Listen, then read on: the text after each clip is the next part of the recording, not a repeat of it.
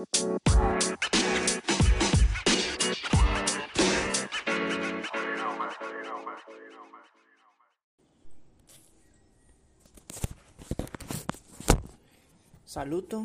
kaj bonvenon al mia podcasto Prisano. Mi estas Daniel el Venezuelo, via Esperanta kuracisto. Hodiaŭ ni havas specialan epizodon kie mi parolas pri optimuma matena rutino. Mi esperantigis fragmenton de la podcasto Huberman Lab, kiu estas farita de Andrew Huberman. Li estas neurociencisto kaj ofica profesoro en la sekcio de neurobiologio ĉe la Universitato Stanford, lernejo de medicino. Li faris multajn signifajn kontribuojn al la kampoj de cerba evoluo, cerba funkcio kaj neŭtrala plastikeco, kio estas la kapablo de nia nerva sistemo rekabligi kaj lerni novajn kondutojn, kapablojn kaj kognan funkciadon. Do vi lernos pri praktikaj iloj por optimumigi vian matenan rutinon kaj optimumigi vian matenan rutinon. Fakte ekzistas certaj fundamentaj kondutoj kiuj starigas la scenejon por ke vi estu pli bona pri ĉio. Do multajn fojojn homoj diru kiel mi povas levi pli da fokuso, pli bone memori, aferojn pli bone, kiel bone ni pripensu. La fundamento de tio kaj tio ĉiam revenos al du elementoj kaj tio estas dormo kaj tio kion mi nomas nedorma profunda ripozo. Do dormo estas la fundamenta praktiko aŭ parto de nia dudekkvara hora ciklo, kie se vi ne ricevas ĝin, Konsekvence, vi estas malsupren reguligante vian kapablon fari ĉion ĝuste. Vi devus provi tre bone dormi, ok dek procenton de la tempo. Ok dek procentojn de la noctoi du de via vivo. La alia in du dec procentoi ne, mi esperas che vi ne bone dormas pro bonai kialoj, che vi set sed La afero estas, ke estas kelkaj aferoj kiujn vi povas fari antaŭ ĉio. Tiu ĉelo en via korpo havas ĉirkaŭdian ritmon, kio signifas, ke ĉiu ĉelo havas dudekvara horan ĉirkaŭdian horloĝon. Tio estas reguligita de genoj. Penso pri ĉi tiuj Via corpo estas amaso da milionoj da horloĝoj, kiuj bezoni vicii. Tiuj horloĝoj al ununura tempo, jen kial kaj kien, kiam vi vojaĝas eksterlande, via intesto explodas aŭ vi pli facile malsaniĝas aŭ via pensado ne estas tute ĝusta la, hor la horloĝoj ne estas viksigitaj. Ili ne estas enkondukitaj kiel ni diras, ke unua praktiko por ĉio, precipe dormo, estas provu ricevi ion da natura lumo en viajn oculoin ene de unu horo post vekiĝo. Se vi vekiĝas antaŭ la suno, saltu amason da helai lumoi, cae tiam ricevu sunlumon en viajn okulojn, kien gi eliras. Se estas densa nuba covrilo, estas ancora uplida fotonoi lum energioi, venante tra tiu nuba covrilo. ol estas venantai de artifaritai lumoi, do provu akiri vin gis dec minutoin sen ocul sen sun ocul vitroi extere matene pos cian la suno estas? For. Plei multai tagoi se ne ciui tagoi tio havas exter grandan enficon sur quelcae aferoi. Antau cio gi modulas la tempon de tio kion oni nomas la cortisola pulso unuo foie, ciuin dudec var horoin, vi ricevos accelon en cortisolo. Granda pico en cortisolo, gi estas sana accelo, gi fixas vian temperatur ritmon en movillo, cae fixas vian nivelon de viglezzo, via nivelo de focuso, cae vian humoron. Vi volas tion.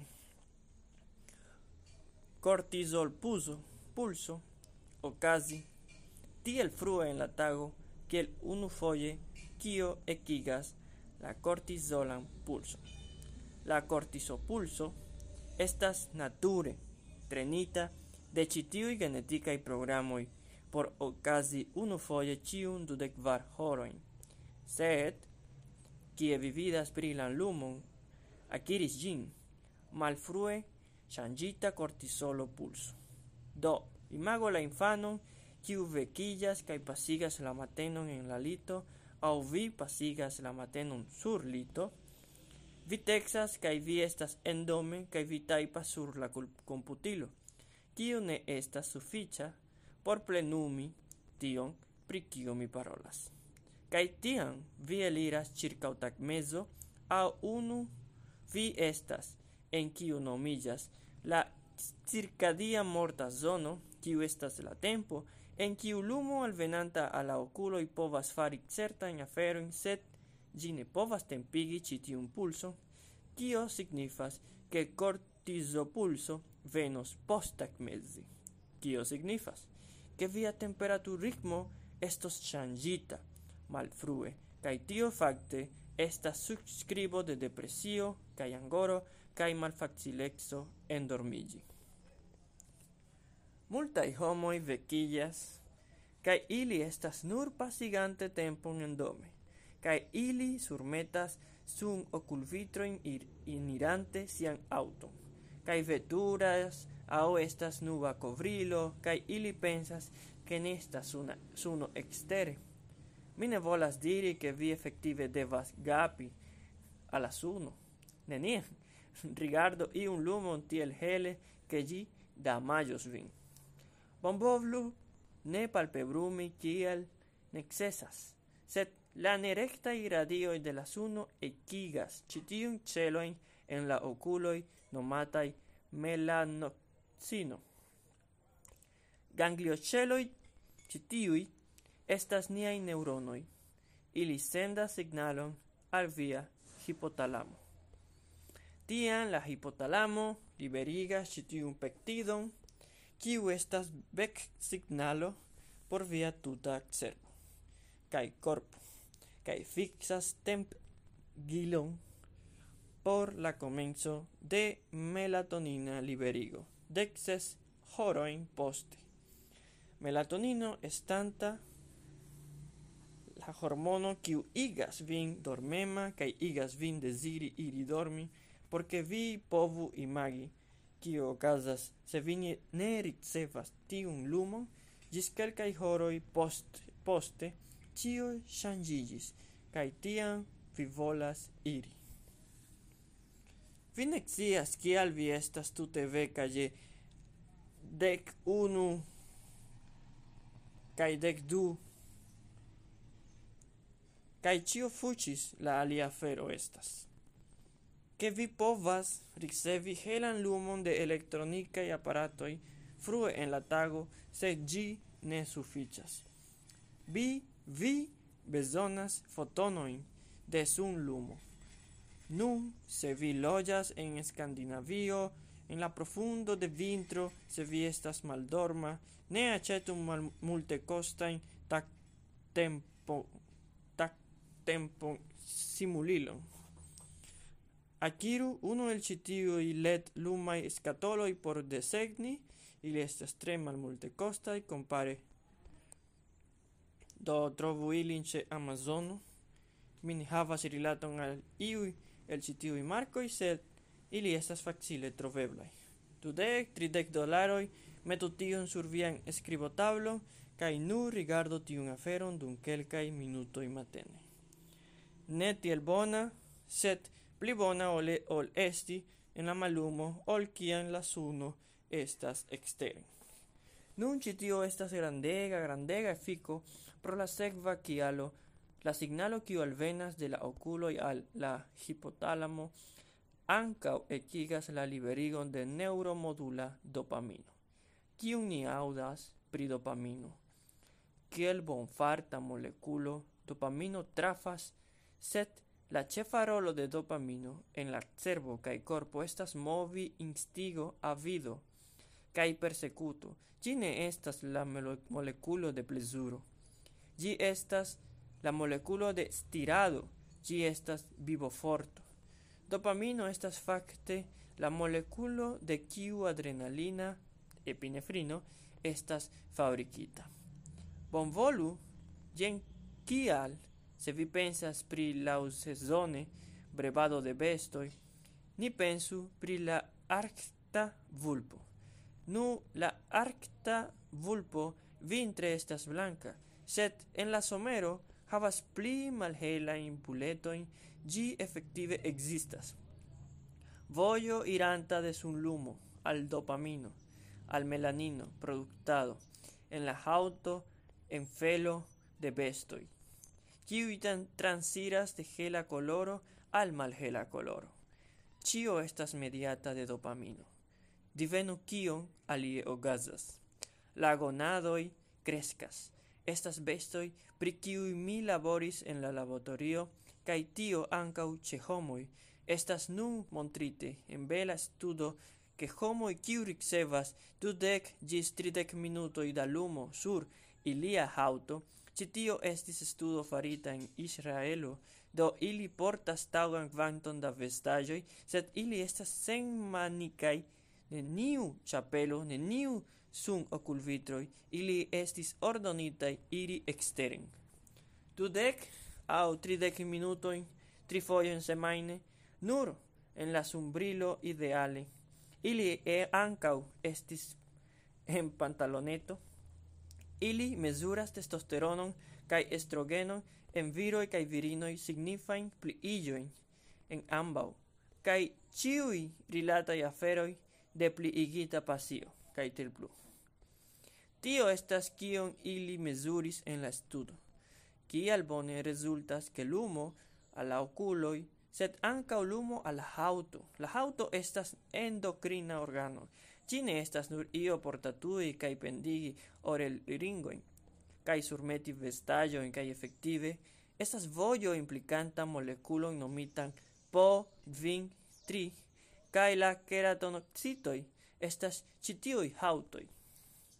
Celoi, kiui kian kian sunlumo, kian ultraviola blua lumo penetras la hauton, char gi povas penetri la hauton, supraje decenigas ĉi tiujn keratonocitojn por stimuli vojon, kiu liberigas dopaminum en la cervo kai corpo porque vi sentas vin pli bona, kiam vi ricevas lumon en viaj okuloj kaj plu via haŭto kaj vi pliigas testosteronon kai epinefrinon kai dopamino pliigas tio.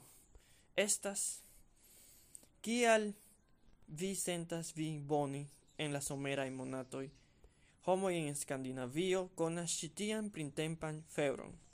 En la vintra en la vintra monatoi vi volas trapasi ciun pecon por du obligi au tri obligi la kvanton de tempo kiun vi pasigas ekstere matene. Do anstataŭ dek minutoj faru ĝin tridek minutoj. Ni ĉiuj konas dormi kaj endormi. Tio estas la nerva sistemo transprenanta, ju pli longe ni estas vecai, des pli longa la masillo de io nomata adenosino en la cervo cae corpo. Cae adenosino saltas la parasimpatan nervan sistemon. Gi supremas la simpatan nervan sistemon kiam ni dormas. Adenosino estas puŝita reen malsupren, kiu estas kafeino. Kafeino efike tra kelkaj kemiaj paŝoj blokas la efikon de adenosino, do se vi atendas do jen malgranda ruzo. Se vi tio estas Mi ne ŝatas la vorton "hakoj", ĉar hakoj implicas uzi ion por celo, por kiu ĝi ne estis desegnita ĉi tie, pri kio ni parolas: fiksita biologio.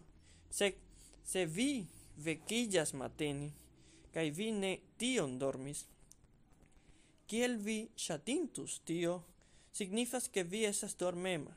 Tio signifas ke vi ancora havas amasillon de adenosino en via sistemo. Ni diru ke vi tui atingas cafeinon bonega, ke vi supremas la agon de tio adenosino, kaj vi estos pli vigla, kaj divenos kio casas tian?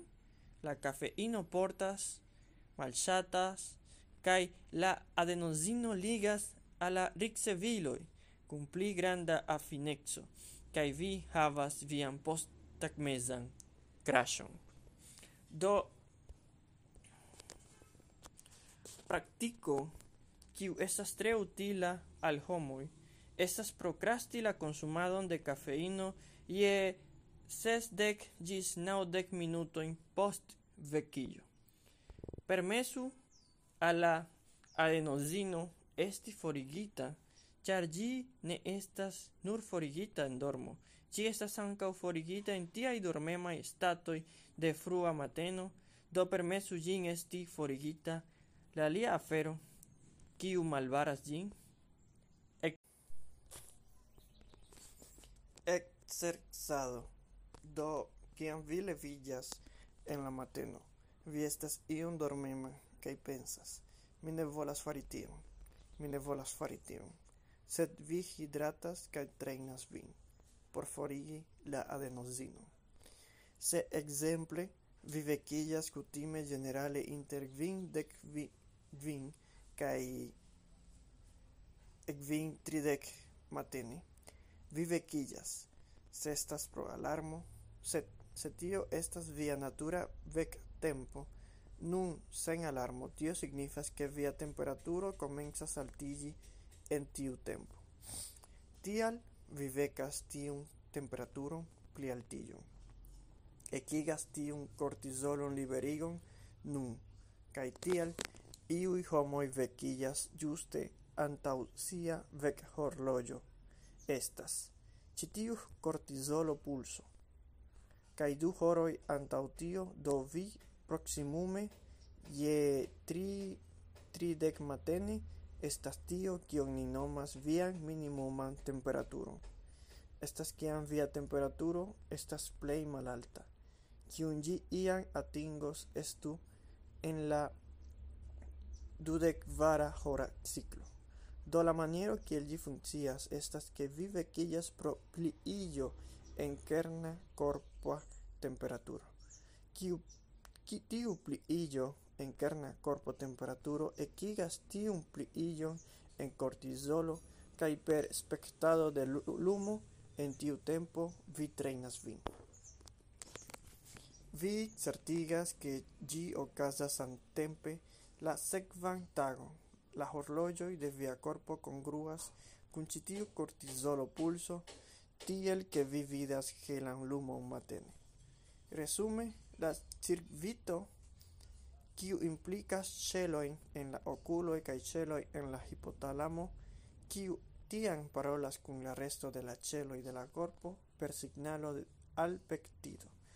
Tio estas liberigita certigu, ke la temperaturo komencas altigi, supreniras supren kaj iam ĉirkaŭ la dua aŭ tria posttagmeze vi atingos vian maksimuman temperaturon kiun vi eble sentos ion dormema tiutempe, sed tio estas efektive la tempo en kiu via intesto, viai ciui viai sistemoi estas pexo de laboro ce la maximuma capablo, kaj tiam tui komencos fali kaj comenci fali kaj fali. Tiu falo en temperaturo eventuale estos plena 1 gis 3 gradoi mal supre kia estas via temperaturo maximuma kaj jen kiam vi ekdormos kaj ekdormos. Tial gravas teni la ĉambron malvarmeta nokte por endormi. La celo ĉi tie estas plialtigi korpotemperaturon por esti maldorma kaj malpliigi korpan temperaturon por dormi. Se ni restos kun tiuj temoj, multe da ĉi tio simple falos en rubujojn exercado pli igos corpo temperaturo ion paradoxe eniri malvarman duŝon aŭ malvarmo. Akvo. Ciui diras, ke kiu devas bone malvarmigi vin se vi restas tie en longa tempo. Farigi hipoterma ĝuste, sed ne memoru, ni memoru la termostatan exemplo, en kiu vi havas ion da aero. Via cerbo nomis la mediala preoptica areo Kai se vi malvarmigas la surfaxon de via corpo, divenu kiun casas ĉe kerna temperatura illas do enirante se vi faros glacibanojn, vi povas fari, vi dirus faru ilin, iam pli bone ol tute ne estas bela papero. Publicigita en la Europa Revuo Physiology en la jaro 2000 kiu prenis homojn kai havis ilin sidi, ili efektive havis ilin sur gazon sejoi en akvonaĝejo. Estas bo bonega maniero fari experimento Oni metas iun en agvon gis ilia kolo. Ĉu vi scias kion vi faras? Do estas eksperimenta rigoro, kiu pelas tion, sed ili havis homojn eniri reakcie. Malvarmeta akvo sesdek gradoi Fahrenheit, do gi ne estas tiel malvarmeta, sed ili staris dum unu horo, au ili havis homoin eniri en tre malvarman agvon, io kiel vardec gradoi, dum nur dudec secundoi. Nun, jen kio estas Vere interesa tiu shoko, kiun vi aludis estas ankaŭ nomata adrenalino, epinefrino, kaj ĝi estas liberigita de suer sur renoj evidente, sed ankaŭ de loko en la cerbo nomitas nomita locus cerulus ceruleus malgranda areo de la cerbo trunco per kiu poste prusigas la reston de la cerbo epinefrino kaj veskas, vekas la reston de la cerbo, tiel ke shoko okazas en la cerbo kaj la corpo kaj efektive la aĵoj en la corpo ne transiras la sango cerban baron de vi, vi estas duparta sistemo. Kiam tiuj du sistemo estas vixikitai estas bele, kiam tiuj du sistemo estas ekster vixigo tio estas ne bona, do Vi eniras en malvarman agvon. tio estas la shoko dun la unuaj tridek sekundoj por plej multaj homoj, kiuj estas netrejnitaj, via antaŭ-cerbo, kiu kontrolas decidon estas esence subpremita en sia aktiveco, kaj aliaj areoj estas pli grandigitaj, do nur ekcio ke justa paniko, nur komprenu, ke pasas tian kio okazas estas kiam vi eliras el la malvarmo. Au ne gi estas pli bona periodo je sesdek gradoj au mallongan periodon. Mi malamus audi ke homoj faras nur dudek sekundoj sed eble minutojn por tri minutoj je kvar vin gradoj. Au io estas longa arca liberigo de dopamino kai epinefrino. Jen kio montrillas en la studo che homoi. Tiu longa arco de dopamino conducas al prescau duobligo au pli de dopamino cae epinefrino. En la libro de colegino Ana Lenke nomita dopamino naxio. Dopamina naxio. Si laboras pri dependexo nia duobla du diagnosa toxomanio clinico ce Stanfordo, si parolis pri paciento. Sia tio essence helpis sin superi kokaindependecon. Kokaindependecon, farante malvarmajn banoin, char gi estis la sola afero kiu donus al si tian dopamin-liberigon, kiu eĉ iomete imitis lian kokaindependecon kaj permesis al si dekutimiĝi kun sana konduto, nun mi ne diras, ke estas la ekvivalento de drogo kiel kokaino, sed mi diras, ke ĝi estas pli bona decido ol drogo el kokaino pro evidentaj kialoj. Tiel, ke tiu humoro pliboniga efiko kiun vi sentas poste gi estas reala. Gi basillas sur vera neurochemia efico, cae tiu dopamino cae epinefrino volos combini kun la temperaturo plialtiĝo de cortisolo plus lumo plus exerzi cion. Ciu pli igas kerna kernan corpo temperaturon Nun vi havas pliigitan kernan tem corpo temperaturon, vi creis dopaminan, liberigas epinefrinon, vi, vi creis someran monaton ene de via corpo.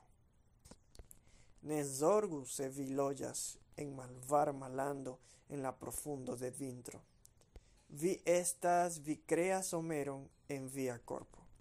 Farante tion, Nun se vi loĝas en tropika lando, kaj estas la somero, kaj vi restas endome, kaj vi estas ĉe via telefono, kaj vi ne faras ajnan movadon ĝis la posttagmezo. Kio estas bona ekzercado? Posttagmeze mi constatas estas iuj gravaj avantajo de tio kaj vi tu kuŝas en la lito aŭ vi nur promenas ĉirkaŭ la kuirejo kaj sur metante Sun okulvitrojn kaj veturante a laboro, divenu kion?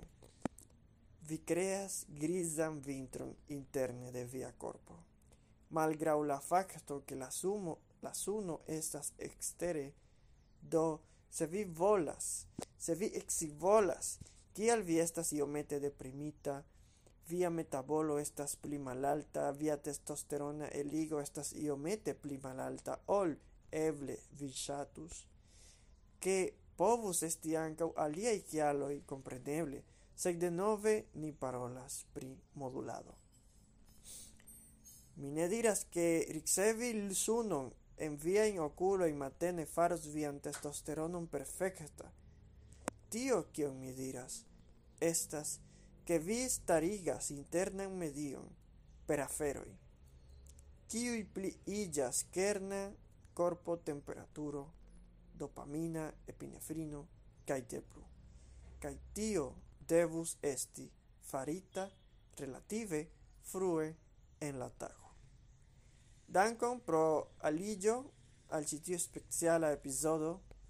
Se vi ŝatus lerni pli da iloj por mensa sano, fizika sano, kaj ne forgesi aŭskulti la epizodojn de mia podcasto pri sano, ĝi estas havebla en platformoj que YouTube, Anchor, Spotify por apogi la kreadon de tiaj enhavoj en Esperanto.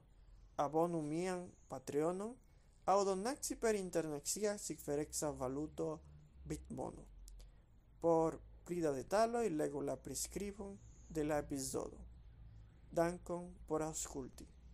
Gis.